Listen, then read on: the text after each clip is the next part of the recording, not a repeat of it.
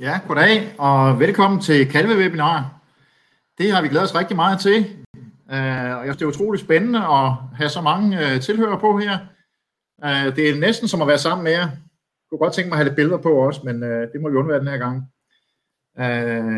Jeg hedder Henrik Læsø Martin, arbejder på SIGGES. Dem af jer, der ikke har set mig før, og der har i sidste år arbejdet temmelig meget med kalve. Øh, og i dag har jeg med mig også Trine Fredslund Mathisen nede fra Gråsten Kvægpraksis. Hej alle sammen. Hej Trine.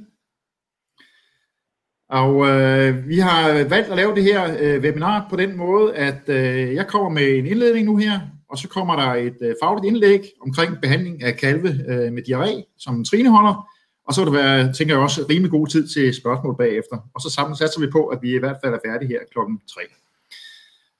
Øh, jeg skal lige prøve at se, øh, jeg vil lige sige også, at øh, min gode kollega øh, Anne Christensen, hun sidder i teknikken, og hvis det her øh, mod forventning skulle øh, forløbe uden de store problemer, så er det simpelthen øh, skyld. Jeg skal lige se, om jeg kan få lov at dele min skærm. Den kommer her. Jeg se, om den gik rigtigt på.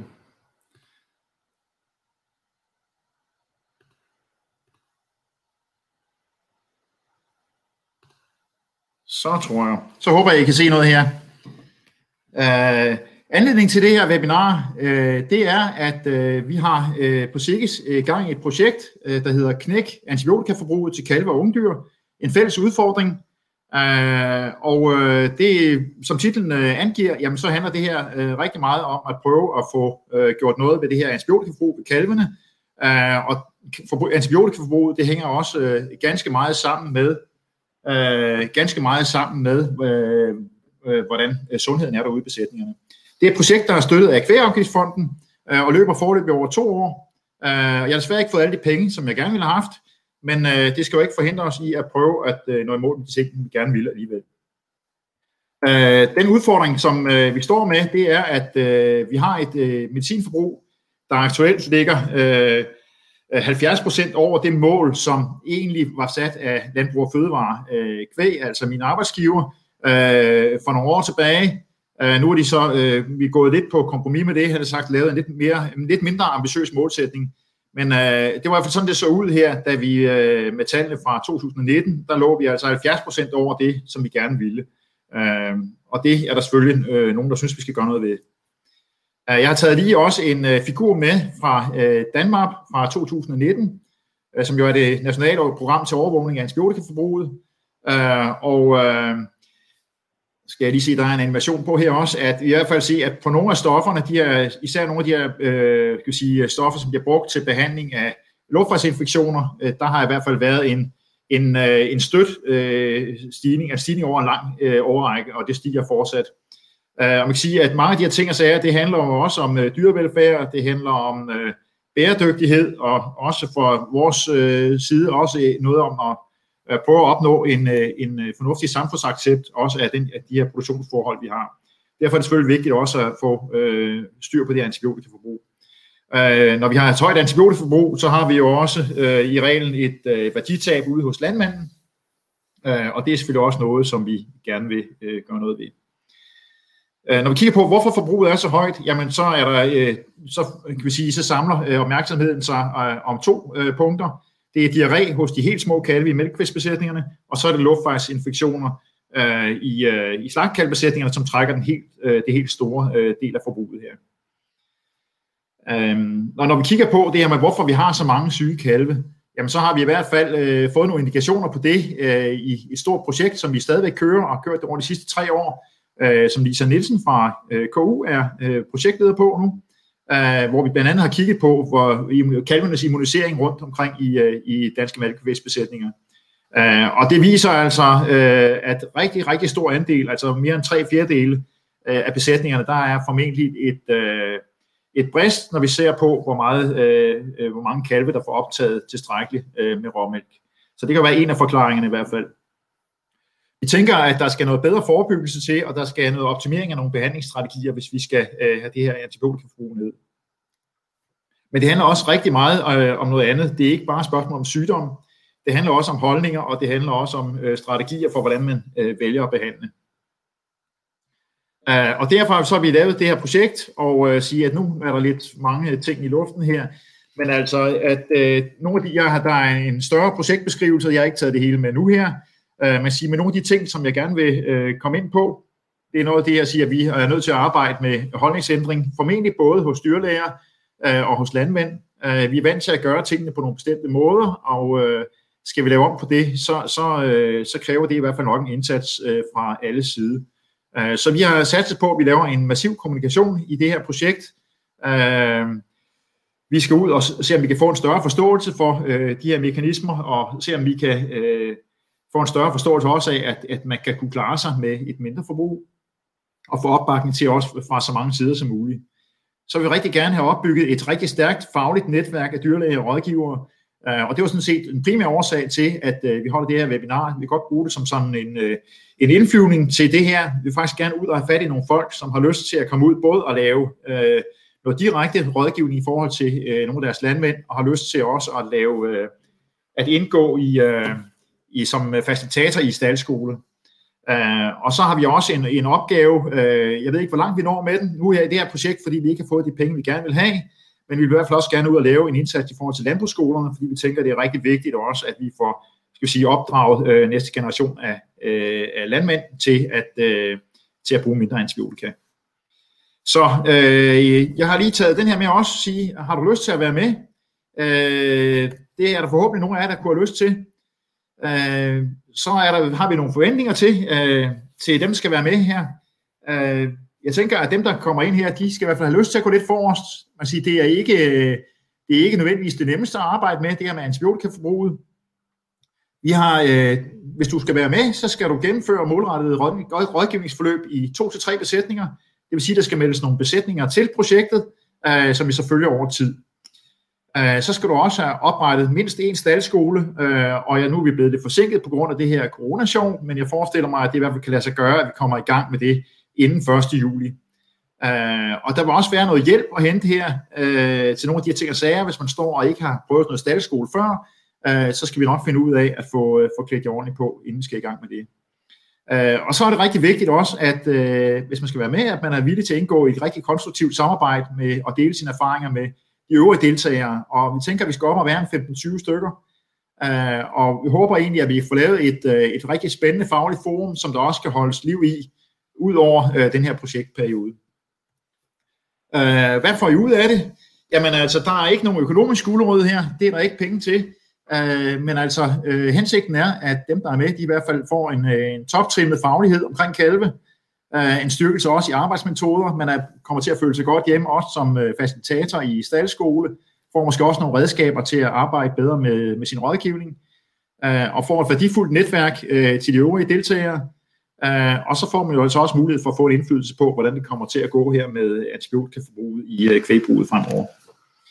Og hvordan man melder sig til, det skal for at være inden 1. marts, så vil jeg meget gerne have, dem, der kunne være interesserede, at de sender en mail til mig med navn og praksis, øh, ja, praksisnavn, øh, arbejdssted, øh, mobilnummer, så vi kan kontakte jer øh, til min mailadresse, der hedder øh, hlmseges.dk. Øh, og øh, jeg skal nok lige lægge den på, når vi er færdige her til sidst, og det er også muligt at få den lige forlagt lagt ud på Facebook, så man får mulighed for at se det igen. Men vi vil i hvert fald rigtig gerne have, hvis der er nogen, der har lyst til at være med. Vi håber, det bliver øh, rigtig spændende. Øh, jeg vil sige, hvornår går vi i gang? Jamen, øh, det gør vi snarest muligt efter øh, 1. marts. Uh, og jeg kan lige som en lille appetitvækker, så kan jeg da sige, at uh, ja, nu, vi havde jo uh, haft ambitioner om, at vi skulle have uh, en, uh, en uh, masse undervisning sådan uh, real life, men uh, vi kommer i hvert fald til at starte op med noget, der kører på, uh, på videolink, uh, og jeg har fået tilsavn i forløb i hvert fald fra blandt andet Sandra Godden fra uh, University of Minnesota, som meget gerne vil holde på indlæg, og øh, også en, der har arbejdet rigtig meget med slagtekalveproblematikker, øh, pardon, øh, fra Gent Universitet i Belgien, øh, som nogle af jer måske også øh, har hørt eller set eller læst noget af. Øh, de er i hvert fald meget inspirerende begge to, og øh, jeg tænker, at vi, øh, vi skal meget længere med det her, men der kan vi i hvert fald starte. Det var, øh, hvad jeg lige øh, havde nu, og nu skal jeg se, om jeg kan finde ud af at holde op med at dele min skærm. Godt så vil jeg gerne give ordet til Trine, hvis Anne Mette hun kan finde ud af at stille om her. Hej. Ja, jeg har lavet et, øh, et oplæg om øh, behandling af kalve med diarré. Det har jeg indtalt på forhånd, for ikke at risikere nogle tekniske udfordringer. Så det kommer her. Hej alle sammen, og velkommen til mit indlæg om behandling af kalve med diarré. Jeg vil lige kort præsentere, hvem jeg er. Jeg hedder Trine Fredslund Mathisen. Jeg er uddannet dyrlæge i 2012, og så er jeg uddannet fagdyrlæge i 2020. Jeg arbejder sydpå her i Gråsten som kvægdyrlæge i Gråsten Kvægpraksis. Og grunden til, at jeg holder det her indlæg i dag, det er, at jeg har et projekt, der hedder Evidensbaseret Kalverådgivning. Projektet det er støttet af Kvægafgiftsfonden og Mælkeafgiftsfonden, og øh, formålet med øh, projektet det er at formidle forskningsresultater til rådgivere. Øh, det projektet sådan set består i, det er, at jeg læser en hel masse videnskabelige artikler, laver et sammendrag og lægger de sammendrag ud på en hjemmeside, videnomkalve.dk, øh, sådan at andre rådgivere kan læse sammendragene og på den måde øh, få lettere adgang til forskningsresultaterne. Det er et projekt, der både henvender sig til dyrlæger og konsulenter. Det vi skal snakke om i dag, det er behandling af kalve med diarré. Vi skal kort snakke om, hvorfor kalvene får diarré. Vi skal definere, hvornår kalvene har diarré. Så skal vi snakke en hel del om løbens tømningshastighed, og hvad det har af relevans for fodring og behandling i praksis. Så skal vi snakke om, hvorfor det er, at kalvene de bliver så syge, når de har diarré, eller nogen af dem gør. Vi skal snakke om væsketerapi og fodring og antibiotisk behandling af kalve med diarré. De her slides, dem øh, får I adgang til efter præsentationen, og øh, hvis I har brug for øh, flere informationer, så ligger alt det materiale, jeg har jeg arbejder med her på min hjemmeside, som I kan finde der. Derudover så er I velkommen til at stille spørgsmål på chatten i løbet af, af præsentationen, og så svarer vi på spørgsmålene efterfølgende. Som mange af jer sikkert har erfaret, så er der en høj forekomst af diarré hos kalve, når de er 7-10 dage gamle. Øhm, det der er vigtigt, at man har styr på, når man arbejder med kalve med diarré, det er, at det altså ikke er ét forhold, som regel i hvert fald, der er årsagen til, at kalven har diarré, men det er en multifaktuel lidelse. Altså det er forskellige forhold. Det kan for eksempel være en grad af manglende immunisering, at ens råmælkshåndtering på besætningen er ikke god nok. Det kan også være ernæringsbetinget, at, øh, at den mælkefodring, man bruger, den ikke er optimal, eller man har nogle øh, fejl simpelthen i øh, fodringen, som gør, at kalvene de, de får en øget risiko for at blive syge.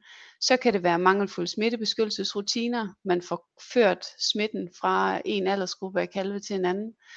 Man har manglende hygiejne, og, og der er selvfølgelig også en, et moment af kryptosporidier, virus, især coronavirus, rotavirus og bakterier. Jeg har taget det her citat med af en svensk dyrlæge, som også har arbejdet rigtig meget med kalve, og hun siger, at øh, den primære årsag til, at kalven ikke trives, det er suboptimal management og ernæring i højere grad, end det er tilstedeværelsen af patogene bakterier, virus og parasitter. Og det synes jeg er helt centralt for, øh, når man forebygger og arbejder med kalve med diarré. I dag skal det ikke handle meget om, om forebyggelse af diarré, men mere behandlingen af diarré. Og inden vi begynder at kaste os ud i, hvordan man bedst behandler kalve med diarré, så synes jeg, det er vigtigt, at vi har styr på, hvornår en kalv har diarré. Fordi øhm, sådan en afføring fra en kalv, den kan egentlig se ud på mange måder.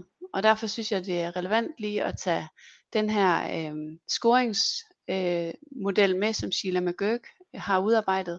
Og det er også den, der bliver brugt i mange af de videnskabelige studier.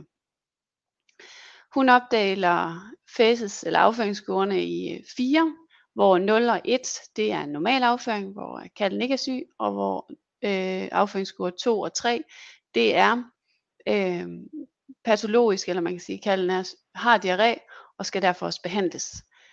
Øhm, en øh, normal afføring, den er fast og formet, og øh, den ses i skålen der på det første billede, der synes jeg godt nok, den er lidt mere fast, end hvad vi normalt ser, så jeg har taget et lille ekstra billede med, der er helt nede i hjørnet, som viser det, jeg synes, der er en normal afføring fra en kalv, der er mælkefodret.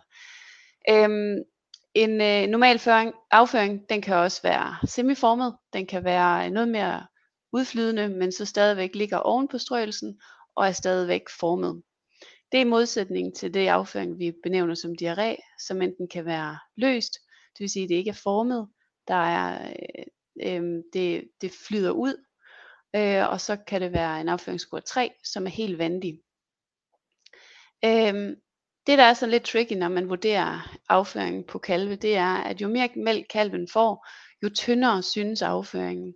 Øhm, og en anden ting, man også skal huske på, det er, at har man en kalv, der har fuldstændig vandig afføring, så kan man faktisk ikke se det i boksen på den, når man går forbi, hvis den ikke er strøget.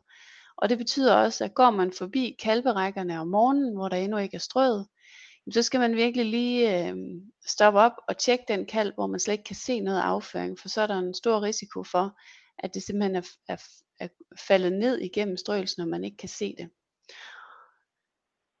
Når man så har fundet en kalv, der har diarré, så er det faktisk ikke øh, afføringskonsistens som sådan, der er afhængig af, hvordan den skal behandles, men det er, hvorvidt den er almindeligt påvirket. For når vi behandler kalve med diarré, så differentierer vi mellem kalve, der er almindeligt påvirket, og kalve, der er almindeligt upåvirket. Og den her, de her to typer af kalve, de skal have forskellig behandling. Den almindeligt upåvirkede kalv, den er frisk, den vil gerne drikke mælk, og den har det almindeligt godt. Den er ivrig, og den ja, er som den skal være. Mens den almindeligt påvirkede kalv, den har som regel en reduceret sutterefleks, øh, eller i hvert fald en nedsat sutterefleks på den måde, at det kan godt være, at den kommer hen og sutter lidt, men så gider den ikke mere, øhm, og, og får ikke drukket sin mælk. Den, øh, nogle gange så kan den være så svært påvirket, at den ikke er i stand til at rejse sig. Øh, og hvis det er rigtig skidt, og den har en voldsom metabolisk acidose med en, et stort fald i blodets pH, jamen så kan den også øh, have en manglende palpebral refleks og være fuldstændig uresponsiv på sine omgivelser. Øhm, I den gruppe af almen påvirket kalve, der er også kalve, der har feber, øhm, og de skal også øh, behandles derefter. Der er, den behandling gennemgår vi senere i præsentationen. Nu gennemgår vi behandlingen af kalve med diarré, som ikke er almen påvirket. Så det er altså de friske kalve. Det vi gerne vil, når vi behandler de her kalve med diarré, det er, at vi vil gerne fange dem opdage dem allerede den dag, hvor at diarréen begynder. Vi vil øh, påbegynde behandling inden at de bliver dehydreret, så vi vil gerne forebygge dehydrering. Øh, og kaldene de bliver jo dehydreret, fordi de ofte har et øget væsketab med afføringen. Sådan en kald med diarré, den kan, den kan miste mellem 1 til 4 liter øh, med afføringen om dagen. Øhm, og vi vil også gerne forebygge, at kalven den begynder at fryse, for når kalven har diarré, så har den en ekstra øh, så bliver den hurtigt våd, og så har den behov for at, at, at en ekstra opmærksomhed på at kunne holde varmen, øh, især når det er så koldt som det er i dag. Så skal vi sikre, at øh, kalven fortsat øh, vil drikke sin mælk, og at mælken kommer rigtigt ned i mavetarmkanalen. Og en af de metoder, det er at bruge øh, smertestillende behandling til de her kalve. Men det, der er helt centralt, det er, at vi gerne vil opdage dem så tidligt som overhovedet muligt, så vi kan forebygge, at de overhovedet udvikler øh, svære symptomer. Det, der er den allervigtigste del af behandlingen af kalve med diarré, det er væsketerapien. Og øh, det er ikke lige meget, hvad det er for en øh, væsketerapi, man bruger, og man er afhængig af, for at få de rigtige resultater af sin øh, væsketerapi, at man vælger en elektrolytblanding, der har de rette egenskaber. Øhm, jeg har skrevet her på slidet en hel masse øh, specifikke egenskaber, sådan noget væsketerapi de skal have. Øhm, det er for eksempel højt natriumindhold, en, øh, et højt strong iron difference, det vil sige forholdet mellem positive og negative ioner. Så skal den indeholde en buffer, og så skal den have en osmolaritet mellem de her 250 til 300 milliosmolær per liter, men det må maks være 600 millimosmolær per, per liter.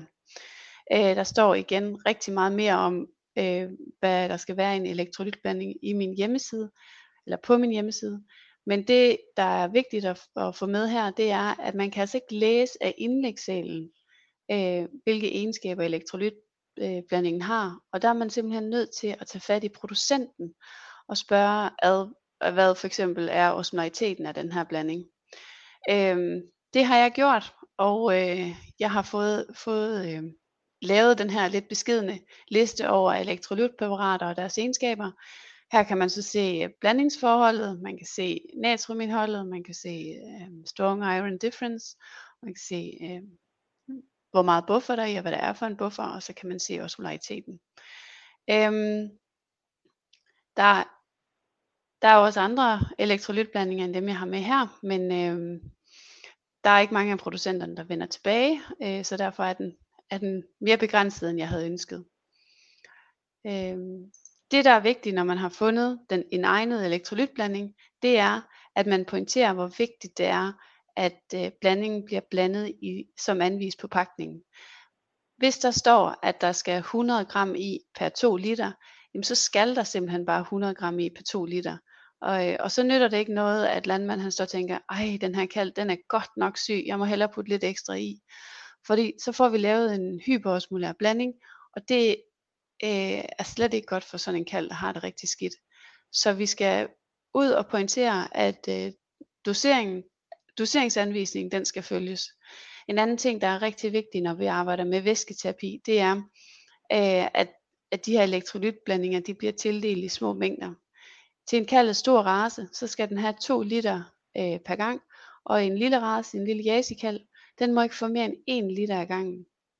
Og hvis øh, kalden så har er meget påvirket, eller er dehydreret, eller har brug for mere væske, så bliver man nødt til at komme med for eksempel to timers mellemrum, og så og give den i løbet af dagen, for at kunne øh, erstatte det væske, den, øh, den mangler.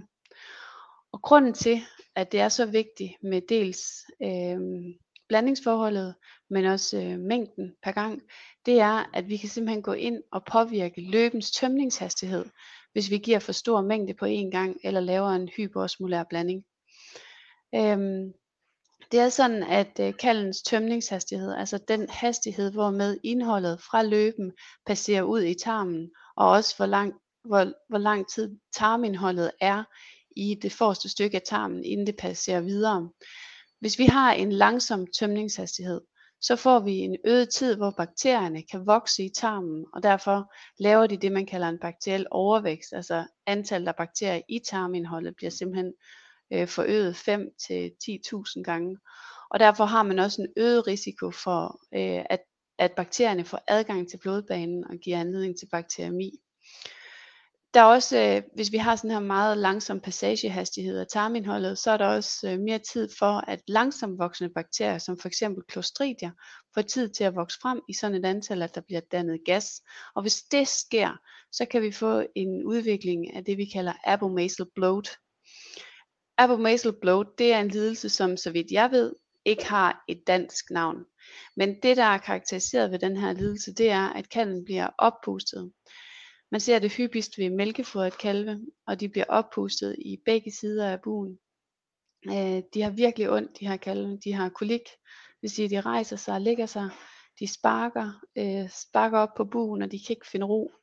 De er svært påvirket og, øh, og har tydelige smerter. De kalve, jeg har set, de dør inden for få timer på trods af behandling. Man kender ikke den eksakte øh, årsag til, at kalvene de får abomasal bloat, men man ved, det forekommer hyppigere i besætninger, som har en fodring, som medfører en langsommere passagehastighed øh, fra løben, øh, hvor der så er, og man ser en overdrevet fermentering af gastrointestinalt indhold af de her gasproducerende bakterier, som primært er Clostridium. Risikofaktorerne for øh, udvikling af abomasal bloat, det er, hvis kandene de indtager øh, meget væske på én gang. Det er, hvis de får hypertone væsker, for eksempel hvis man laver en mælkeerstatning, som man koncentrerer mere end 15% tørstof, eller hvis man laver, øhm, eller hvis man bruger en mælkeerstatning, som har et højt indhold af aske og laktose, øh, for det giver en høj øh, osmolaritet i blandingen. Det kan også, hvis man giver en, en mælkeerstatning med et højt kalorieindhold, øh, så vil man også få en langsommere tømningshastighed, og derfor en øget risiko for, øh, for udvikling af abomasal bloat. Det er jo sådan, at man har fundet ud af, at kalve med diarré, øh, de har en langsommere tømningshastighed af løben i forhold til andre eller raske kalve, og derfor er de i særlig risiko for at udvikle abomasal bloat. Så det man normalt kan gøre ved en rask kalv, for eksempel give mange liter mælk på én gang, det kan man ikke nødvendigvis gøre på en kalv med diarré, uden at den bliver syg. Nu går vi videre til fodring af kalve med diarré, fordi selvom kalven har diarré, så skal den stadig have mælk. Øh, der er lavet, øh, det har været et gammelt husmandsråd, at øh, mælk øh, skal tages fra kalve med diarré. Øh, men der er nu flere studier, som viser, at det har ikke nogen positiv øh, påvirkning på kalvens helbred, hvorvidt den får mælk eller ej. Øh, og øh, det er ikke noget, der forværrer diarréen eller trækker sygdommen i langdrag. Så kalve, de skal have diarré. Øhm, der er jo glukose i de fleste mælkeaster eller elektrolytblandinger, men den mængde af glukose, der er i, det er aldrig nogensinde nok til at imødekomme kalvets energibehov. Og derfor er det så vigtigt, at den bliver ved med at få mælk, og også at man opfordrer kalven til at få indtaget sin mælk. En kalv med diarré, den har øget energibehov, fordi den skal have et øh, immunrespons, som kræver glukose. Den skal stadig holde varmen, selvom den måske er våd på bagparten. Øhm, og så skal den have energi til at, at afhæle tarmvæggene, som måske har taget skade. Øh, og det er derfor, det er så vigtigt, at kalvene de får mælk, selvom de har diarré. Men når man skal fodre de her kalve med diarré, så er der to rigtig vigtige pointer, man, man har styr på. Det er et, at mælken aldrig må gives med en sonde, og to, at mælk til syge kalve altid skal gives med en sut. Det her med, at mælk aldrig må gives med en sonde, det hænger sammen med, at når kalve sonderes, så deponerer man væsken i vommen, og det kan være potentielt livstruende for kalven. Det har et studie af Jean Tildedal fra 2004 vist, hvor at man tog kalve mellem 5 og 23 dage gamle. Man deponerede 1 liter øh, mælk i vommen på dem tre gange dagligt, og derudover så fik de så lov til at sutte 1 liter mælk øh, tre gange dagligt fra en suttespand. Der gik fire dage, så begyndte kalven at blive så dårlig, at man må tage dem ud af studiet, fordi der var risiko for, at de simpelthen døde. Og efter 11 dage, så var der ikke kalve tilbage, fordi de simpelthen blev så ringe. Øh, de blev almindeligt påvirket allerede første dag. Øhm, så det er virkelig farligt for kalven at få det her mælk i vommen. Men det er varierende fra kald til kald, øh, hvor dårlige de bliver. Og det har sandsynligvis noget med, med kaldens tømningshastighed af løben at gøre. Og så igen det her med, at kalve med diarré, de har i udgangspunktet en langsommere tømningshastighed af løben, og derfor er der øget risiko for, at vi får den her mikrobielle fermentering af mælken i vommen, hvis det er sådan, at, øh, at kalvene de får mælk i vommen, når de har diarré. Øh, på en rask kalv, så ved vi, at vommen den tømmes som regel for mælk inden for to timer af, af fodringen. Øh, hos, hos, hos raske kalve under tre uger, men langsommere hos ældre kalve. Så øh, det kan godt være, at det i mange tilfælde går godt, at man får givet kalven mælk i vommen, men man risikerer også, at, øh, at kalve bliver rigtig, rigtig syge af det, og man risikerer også, at de kan dø af det. Så derfor er det så vigtigt, at mælk aldrig må gives med en sonde. Til gengæld må man gerne give elektrolytblandinger opblandet i vand med sonde, hvis man ikke kan få kalven til selv at drikke. Det bedste vil selvfølgelig være at behandle den type af kalve med intravenøs væsketerapi.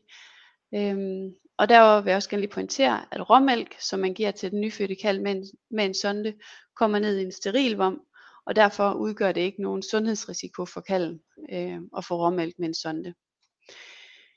Det andet, øh, der er vigtigt, når man skal fodre en kalv med diarré, det er, at man skal give mælk med en sut. Og det er fordi, at det er jo brøllerende-refleksen, der skal aktiveres for, at mælken den bliver øh, shuntet fra øh, spiserøret og så forbi vommen og videre til løben. Og den her bollerenderefleks, den bliver aktiveret, når kalven den er i forventning om at få mælk, eller hvis den sutter i forbindelse med mælkeindtaget. Hvis vi ser på de her to kalve, som står i hytten, så er de ivrige, de er opmærksomme, og man kan se på dem, vi vil godt have noget mælk.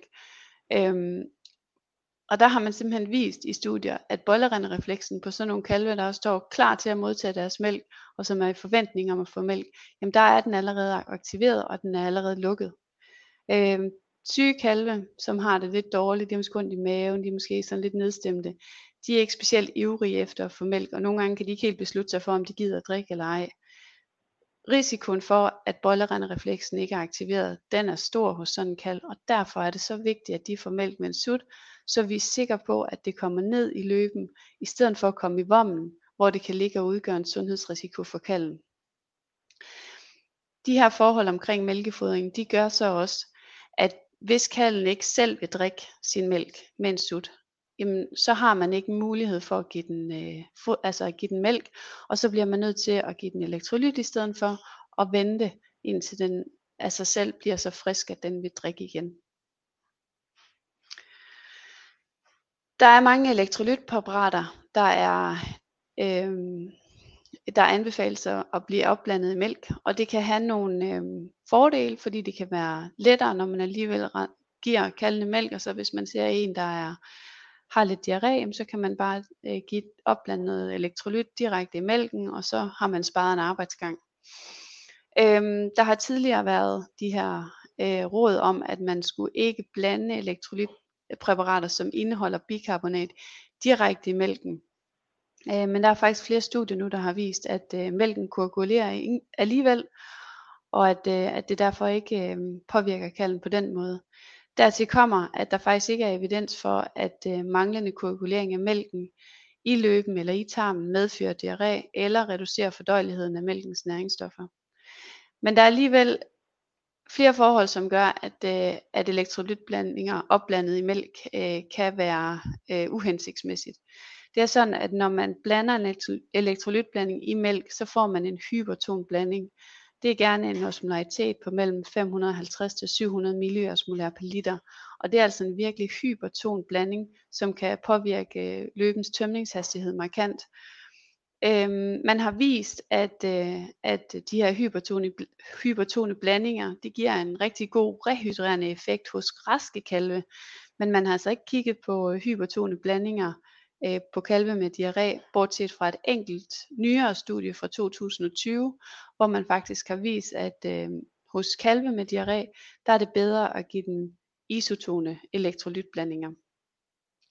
En anden ting, der er omkring elektrolytblandinger, som opblandes i mælk, det er, at man skal passe på den her osmolaritet, og det skal man især, hvis nu man har en, en mælkeerstatning, som, hvis man bruger en mælkeerstatning, som har et højt indhold af laktose og aske, som så derfor i sig selv er, er hyperosmolær, jamen så kan man jo komme op på de her 700 eller mere øh, milliosmolær per liter, og det er altså virkelig øh, noget, der påvirker tømningshastigheden af kalden. Øhm, og derfor er det ikke egnet altså elektrolytblandinger opblandet i mælk er ikke egnet til kalve, der er svært påvirket.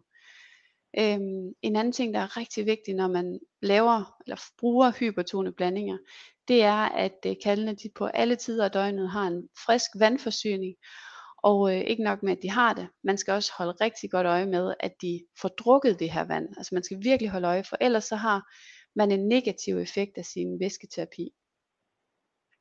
Og det er derfor, jeg anbefaler, at man bruger elektrolytblandinger opblandet i vand. Det er simpelthen mest sikkert, og der er ikke så mange risiko øh, steder for, at, øh, at man får lavet noget, der er uhensigtsmæssigt. Øh, man kan holde øh, elektrolytblandingen isoton.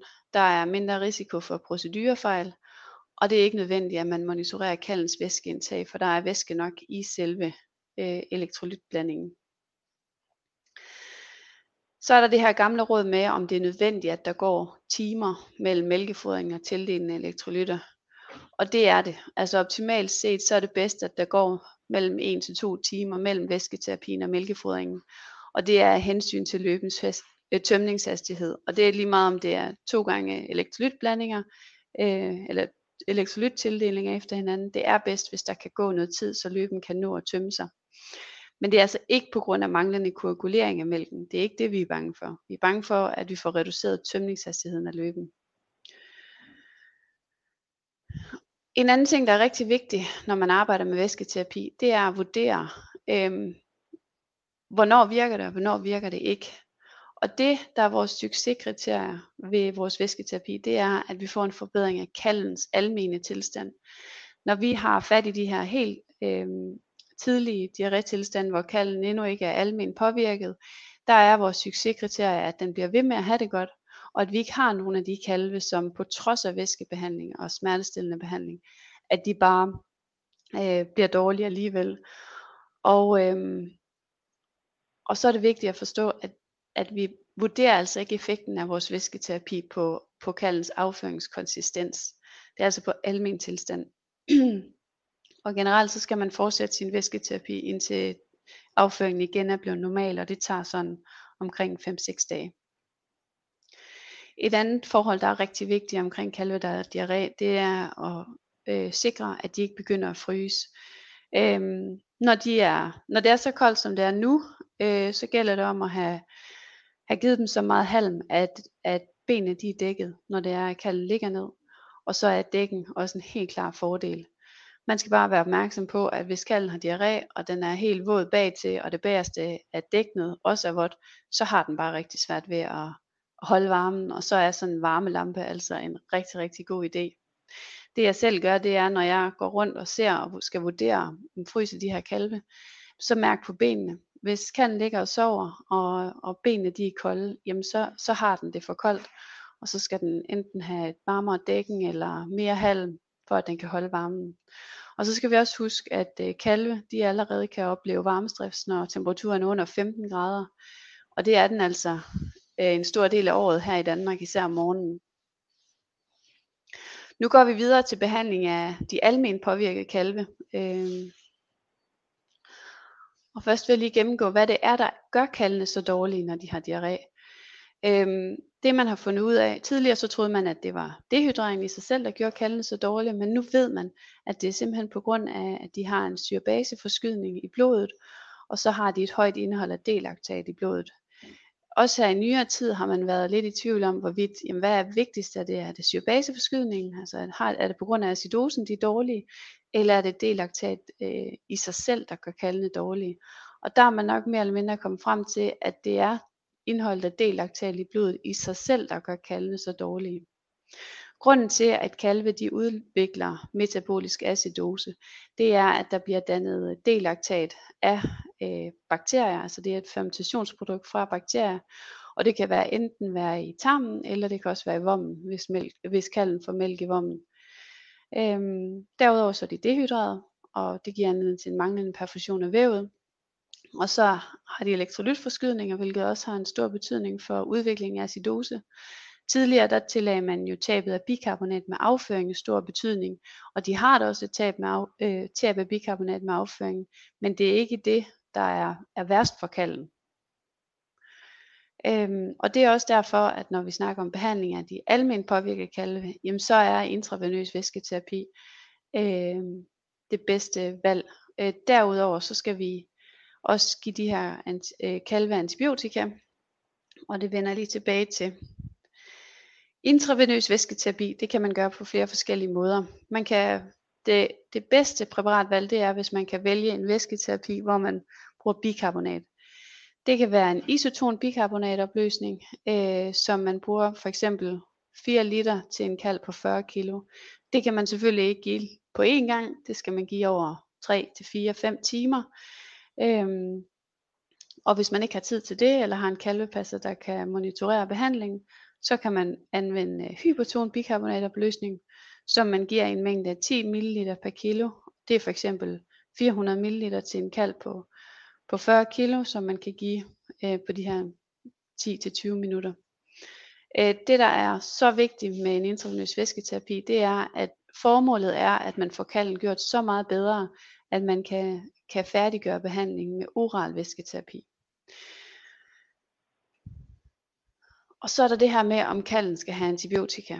Og det er sådan i litteraturen, så anbefales det, at hvis kalden øh, er almen påvirket, altså svært almen påvirket, eller hvis den har feber, en temperatur over 39,3, så anbefales det at give den antibiotika.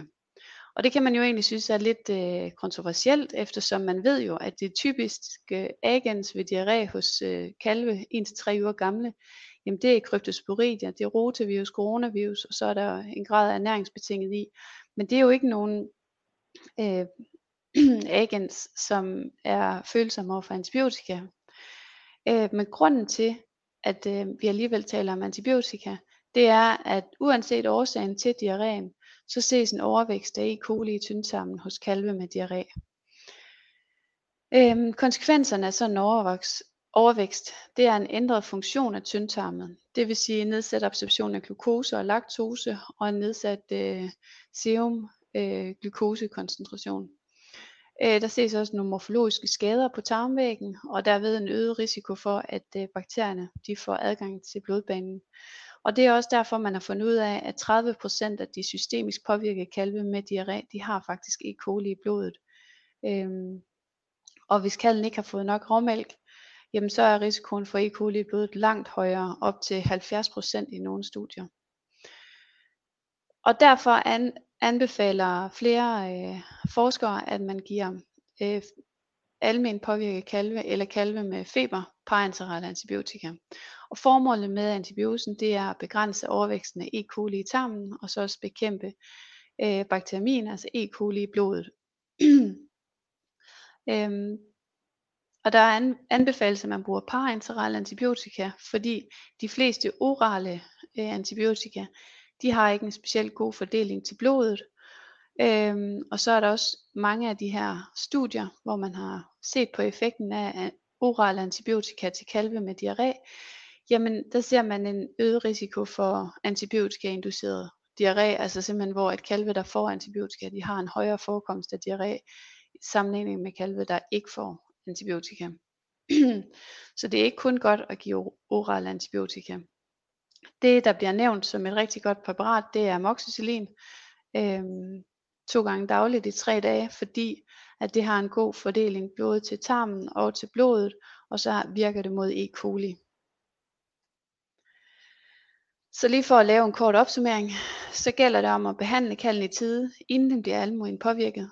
Det vil sige, at man skal virkelig hver eneste dag monitorere afføringen, og hvis afføringen er tynd, uformet, jamen så skal man begynde øh, behandling. Og til den kald, som ikke er almen påvirket, der er det væsketerapi. Det er en passende mængde, passende koncentration og passende præparat. Så skal den have smertestillende, og så skal den have korrekt mælkefodring, og det er med en sut. Og man skal ikke bruge en sonde til mælkefodring. Og så skal man have fokus på, at kalden ikke begynder at fryse. Øh, hvis I har lyst til at vide mere, så hedder min hjemmeside videnomkalve.dk, og der ligger forskellige øh, sammendrag af litteraturen. Øhm, jeg har lavet et login, så det er lidt bøvlet lige at komme ind, men det er bare lige at, at oprette sig som bruger, og så bliver I godkendt, og så kan I komme ind og se det hele, der ligger derinde. Projektet det har været i gang i et år nu, og det løber to år mere, og øhm, der vil fortsat blive lavet nye sammendrag, og jeg håber, I kan bruge det. Tak for i dag. Ja, tak for det, Trine. Uh, vi havde snydt en lille smule og har optaget på forhånd, fordi at vi vil være sikre på, at der ikke gik noget galt her. Uh, og nu er hensigten, at vi skulle prøve at uh, uh, få besvaret nogle af de spørgsmål. Der er kommet en masse gode spørgsmål ud i, uh, i chatten, uh, og vi skal se, om vi får det hele med her. Uh, Trine, uh, Kirsten Søndergaard Hansen, hun spørger, om det er bedst med elektrolyt før eller efter mælk, og om der skal gå et eller andet antal timer. Og det med antal timer, det har du uh, været inde på med de to timer, uh, synes jeg, du havde skrevet på din slides. Øh, men det her med rækkefølgen på mælk og øh, vand, kunne der være noget, eller elektrolyt, kunne der være noget i det? Det mener jeg sådan set ikke. Altså, vi har ikke nogen risiko øh, ved at, altså, mælken koagulerer uanset. Så det er lige meget om det er mælk først eller elektrolytter først. Øh, men det er stadigvæk en god idé, at der går noget tid imellem. Og det er for ikke at risikere, at øh, tømningshastigheden bliver nedsat. Godt. Så er der et spørgsmål fra Helle Slot. Jeg tror, du har fået svar på dit, øh, dit spørgsmål, Helle. Ellers må du lige skrive igen. Uh, så Frederik Foss har spurgt her, øh, hvordan øger man nedsat løbepassage, eller kan man gøre noget for at, for at øge passagehastigheden, Trine? Uh, er vi over i noget medicamentelt, hvis man skal gøre noget, eller kan man, hvordan kan man håndtere det? Ja, altså jeg, lige den del af litteraturen har jeg ikke, øh, har jeg ikke øh, gået i dybden med, må jeg sige. Men det, der står i de reviews, jeg har læst, det er, at der er ikke noget af det, der øh, sådan rigtig har en effekt. Jeg tror, det vi skal fokusere på, det er simpelthen bare at, at håndtere, at de har nedsat løbe, øh, tømningshastigheder løben, de her kalve, og derfor gælder det om at altså, give dem små mængder hyppigt hen over dagen, hvis de er rigtig dårlige. Altså det bedste, det er jo, hvis man kan sætte en, en elektrolyt øh, tildeling ind midt på dagen, for eksempel. Så ligger der måske lidt i forlængelse af det, så har vi spørgsmål fra, øh, fra jægeren oppe på, øh, på de norske kanter her. Hvor længe vil du acceptere, at en kald ikke får øh, mælk, spørger Kajane, men at den kun får elektrolytter? Øh, kan, er det til at sige noget øh, konkret om det? Det er sådan set ikke rigtigt. Hej Kajane. Nej, altså det, optimalt set, så skal man jo helst ikke acceptere, at den ikke får mælk en dag. Øh, jeg vil tænke, hvis ikke ens øh, orale eller intravenøse elektrolytblanding, den er effektiv nok til at få kalven alment vel, så skal man overveje, om man har gjort det rigtigt. Altså om er det en ordentlig elektrolytblanding, man bruger? Øh, er den øh, intravenøse væsketerapi, er det nok? For nok bikarbonat. Det vil jeg i første omgang vurdere på, om det er det.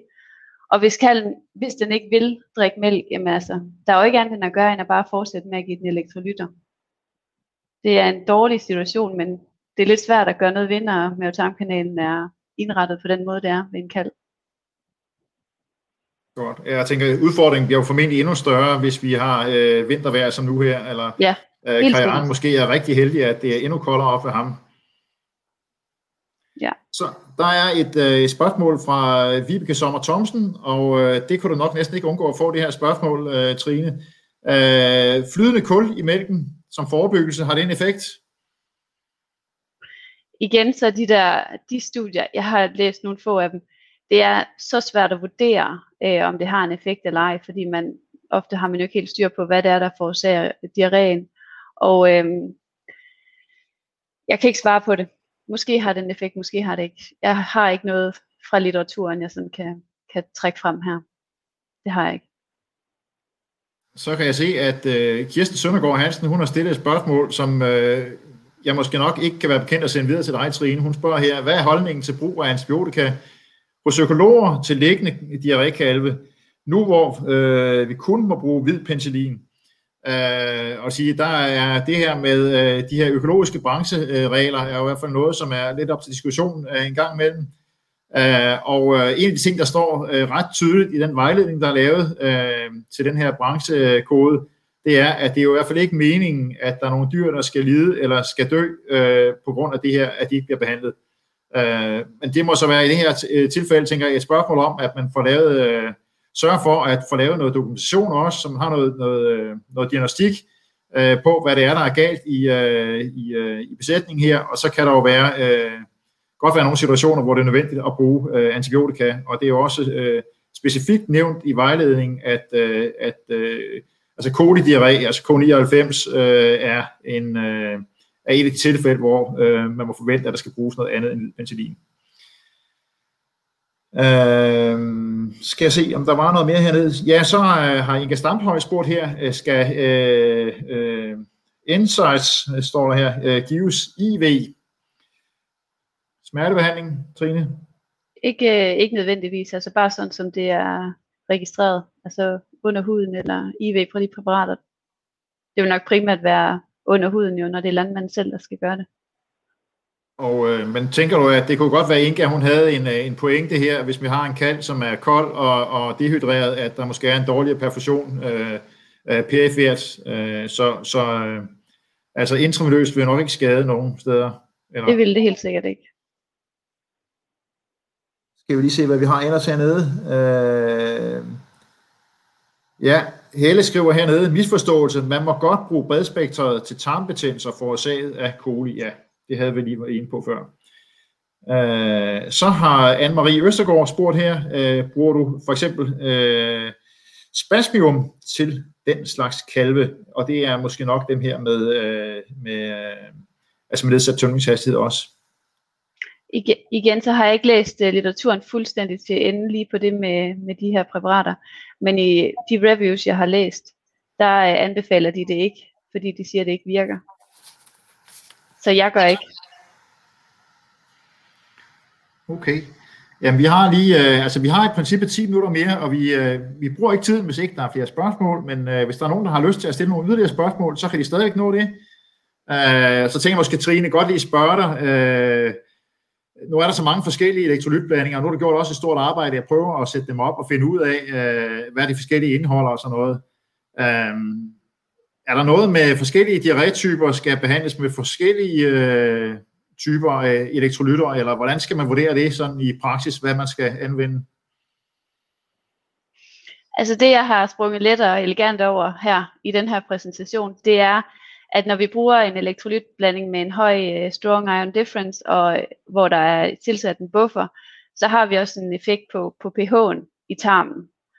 Og øh, vi vil jo gerne have så lav en, en pH i tarmen for at hæmme væksten af E. coli og salmonella også. Øhm, og det, øh, det ødelægger vi jo lidt, når vi giver kalden en elektrolytblanding. Øh, så derfor kunne man jo godt øh, gå hen og sige, at man skulle differentiere afhængig af, hvor dårlig kalden er, og hvor voldsomt almen påvirket det er. Altså hvor, hvor slemt acidose man regner med, den har. Øh, det kunne sagtens, øh, det kunne man nok godt øh, ja, forbedre sin behandlingseffekt med. Øh, men det bliver hurtigt lidt avanceret, og det kræver sådan, at man øh, virkelig sætter sig ind i det. Og jeg ved ikke, om når man kommer ud på besætningerne, om man kan få formuleret det ordentligt, sådan at der ikke bliver taget fejl. Øhm, så det kan godt være i fremtiden, at man kunne lave nogle bedre vejledninger, men øh, indtil videre, så tror jeg, at det er bedst, hvis man øh, bruger en, som indeholder, altså har, har de her egenskaber, som jeg beskriver, for ligesom at få effekten også på, på, øh, på elektrolytforstyrrelsen. Godt, Trine. Altså, de øh, husker at sige, at det vælter ind med, med komplimenter til dig, så det, øh, dem skal du lige ja, det er godt. Det er glad se på det senere. Ja. Uh, Niels, Peter, han, han spørger også, om man kan købe uh, uh, nogle færdige IV-infusioner på apoteket, som er egnet til behandling. Det kan man, og det er jo de der magistralt uh, fremstillede præparater, som man skal søge den uh, udleveringstilladelse. Den var igennem, og så kan man få en udleveringstilladelse til dem. Og der kan man jo både få den isotone bikarbonat og den hypertone bikarbonat. Så det kan man. Godt. Og så, er der, øh, så kommer der flere spørgsmål, det var dejligt. Øh, Lotte Lilleøre, hun, øh, hun spørger her, kan den nedsatte tømningshastighed for at sage kalvene? Det er faktisk helt vildt. Det er et helt vildt godt spørgsmål, for det er faktisk en lille smule øh, sjovt, når man læser litteraturen. Når man løber, læser om løbesår hos, øh, hos kalve, så, så snakker man om, at det er en risikofaktor, at øh, pH'en i løben er lav. Der er man bekymret, når, når løbe pH'en er omkring 1,5, som den er de her 6-7 timer efter, at kalven har fået mælk. Men når vi snakker om diarré og forebyggelse af diarré, og vi er bange for den her overvækst af E. coli i tarmen, jamen så er vi jo glade lige så snart, at pH'en den er under de her 2 eller 1,5. Så i de studier, der kigger man jo på, jamen, når vi giver den her elektrolytblanding, hvor lang tid går der så, inden at pH'en den er nede øh, under øh, 2 igen for eksempel. Ikke? Øh, så det her med det her med løbesår og pH i øh, løben, det, øh, jeg ved det simpelthen ikke. Ja, det har jeg ikke uh, kunne finde et uh, svar på i litteraturen. Og når man læser om de to forskellige forhold, så øh, tror jeg ikke, de har tænkt så meget på hinanden. Jeg ved ikke, hvordan man skal håndtere det. Og der, der er heller ikke noget i forbindelse med, med klostridinfektionerne, øh, Trine? Jo, det er nok mere af tømningshastigheden. Altså, hvor lang tid har bakterierne i tarmen til at ligge og opformere sig. Jeg tror, det er det, der betyder noget for klostridierne. Og også øh, hygiejnen i forhold til mælkefodringen. Altså, hvor mange bakterier kommer med ned i tarmen. Øhm, det er nok mere det, der betyder noget for klostridierne. Ja. Så er der øh, Kjeld Lønge Madsen, han spørger, og jeg er ikke helt 100% sikker, om jeg forstår det rigtigt, han skriver her, diarré forårsaget af oral antibiose, syge eller raske kalve. Jeg tror, han mener om, det, øh, om det her, de her studier, der viser, at de er blevet syge, om det har været lavet på raske kalve, eller om det er... Trine, kan du, du referere til et eller andet undersøgelse? Ja, ja. Jamen, lige det studie, jeg refererede til der, altså der har de to behandlinger. Den ene behandling, det er, når de ser en kalv med diarré, så får den, var det tre eller fire forskellige typer antibiotika. Øh, og, den, og den anden del af, af det studie, det var, hvor man gav dem øh, diarré, nej, slutter, diarré, antibiotika i mælken forebyggende. Og man så, at jo i det studie, hvor jo mere antibiotika de fik, når de var syge, øh, eller sagt på en anden måde, det var to forskellige behandlinger. Det er lidt, men når de fik, øh, når de fik de her tre præparater ved, ved, ved meget, hvad kan man sige, milde tegn på diarré, øh, så var de syge i længere tid, som hvis man kun behandlede dem, når de var øh, blev dårlige. Altså ikke, de måtte godt have lidt diarré, men når de først blev dårlige, så var det først der, man behandlede dem. Øhm, og, og den anden del af det var, at hvor man prøvede at forebygge antibiotika, eh, nej, diarré ved at give antibiotika i mælken. Og der så man markant mere diarré hos de kalve, der fik øh, diarré i eller antibiotika i mælken, end de kalve, som ikke fik noget i mælken. Og de kalve, som hurtigere, altså ved mildere symptomer på, øh, på, på diarré, fik antibiotika, de var også mere syge end de andre.